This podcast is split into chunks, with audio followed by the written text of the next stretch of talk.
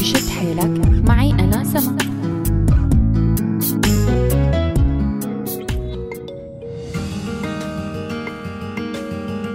مرحبا. كتير بنستخدم بحياتنا اليومية مصطلح اللاوعي. لنعبر عن شي موجود جواتنا ونحن مو مدركينه. وهذا الشي بيطلع بالوقت المناسب على شكل ردة فعل. فيا ترى شو هو اللاوعي؟ وإمتى بيتحول لوعي؟ لما نقرأ عن الموضوع منلاقي إنه في كتير مصطلحات فلسفة وعلم نفس بتعقدوا أكتر ما بتبسطوا. ونحن بهالحلقة رح نحاول نشرح اللاوعي بأسلوب بسيط ومفهوم. اللاوعي هو بعض العمليات العقلية والتصورات والأفكار والمشاعر يلي بتنشأ عند الإنسان بدون إدراك منه. طيب ليش وكيف بتنشأ؟ الإنسان كل يوم بتمر قدامه آلاف الصور. وبيسمع آلاف الكلمات والعبارات وبيشم عشرات الروائح بالنسبة لوعي الإنسان هو بالحقيقة ما عنده قدرة على تخزين كل هي الأشياء يلي بتمر عليه. فعقلنا بفلترها كيف يعني بفلترها؟ يعني بيصنفها لمهمة وغير مهمة.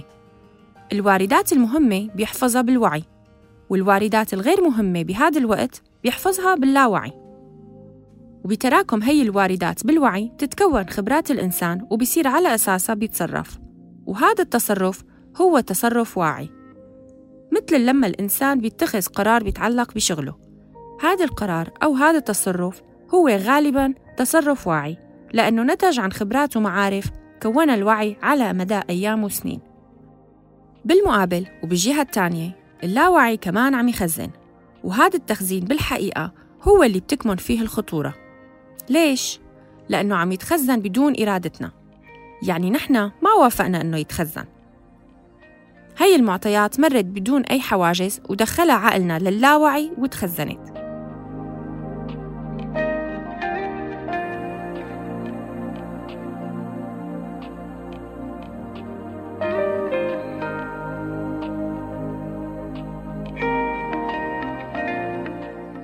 فمثلا شخص بيحمل حاله بيروح على السوق ليشتري منتج معين وهو عم يلف ويتسوق بقرر يختار ماركة مو مجربة من قبل ولا بيعرفها ووقت بيشتري المنتج بيستخدمه بطريقة معينة. ولو قعد وفكر واسترجع ذكرياته بيلاقي إنه هو بيعرف المنتج ومرق عليه من خلال دعاية لمحها على السريع بالشارع. وحتى وقت استخدم المنتج استخدمه بنفس الطريقة. يعني هو لما شاف هي الصورة والعقل خزنها باللاوعي واللاوعي وجه الإنسان ليروح يشتري المنتج ويستخدمه بطريقة معينة.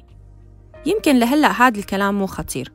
لما يكون الأمر بيتعلق بالتطرف والعنف والكراهية بيصير كتير خطير ورح أعطيكم مثال. شخص بيسمع وسائل إعلام بتحرض ضد فئة معينة.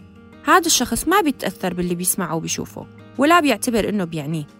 لأنه هو شخص منفتح ومتقبل للآخر. وهذا الكلام الفاضي مستحيل يأثر فيه. نتفاجأ بعد كم سنة إنه هذا الشخص راح انضم لفئة عم تحارب الفئة اللي كانت مستهدفة بالعنف والكراهية بالإعلام اللي كان هذا الشخص عم يحضره. نحن منتفاجأ منقول إنه والله كان شخص متفتح ومتقبل للآخر. شو صار له؟ اللي صار إنه اللي كان عم يسمعه بوسائل الإعلام من كراهية كان عم يتخزن باللاوعي. فكون عقيدة كراهية عند هذا الشخص تحولت لسلوك عنيف ضد هي الفئة لما صارت الفرصة. وعلى فكرة كتير من وسائل الإعلام تلعب على هذا الوتر. طيب شو اللي ممكن نعمله؟ نتذكر دائما إنه في مساحة اسمها اللاوعي بعقلنا عم تخزن كل شي عم يمر علينا.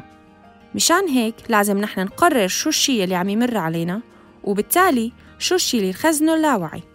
فمثلا بمثالنا السابق الأحسن للشخص المنفتح المتقبل للآخر إنه ما يسمع ولا يتفرج على وسائل الإعلام يلي بتحرض على العنف والكراهية ولا حتى من باب الفضول ويختار الإعلام المتوازن المهني يلي بيسرب لعقله مفاهيم العدالة والسلم والمساواة لتترجم بعدين لسلوك إنساني سلمي قادر على بناء مجتمع. خلاصة الكلام انتو اختاروا شو تخزنوا باللاوعي لأنه وقت تجي الفرصة هذا المخزون حتما رح يتحول لسلوك. سلام. دعم نفسي بشد حيلك. معي أنا سما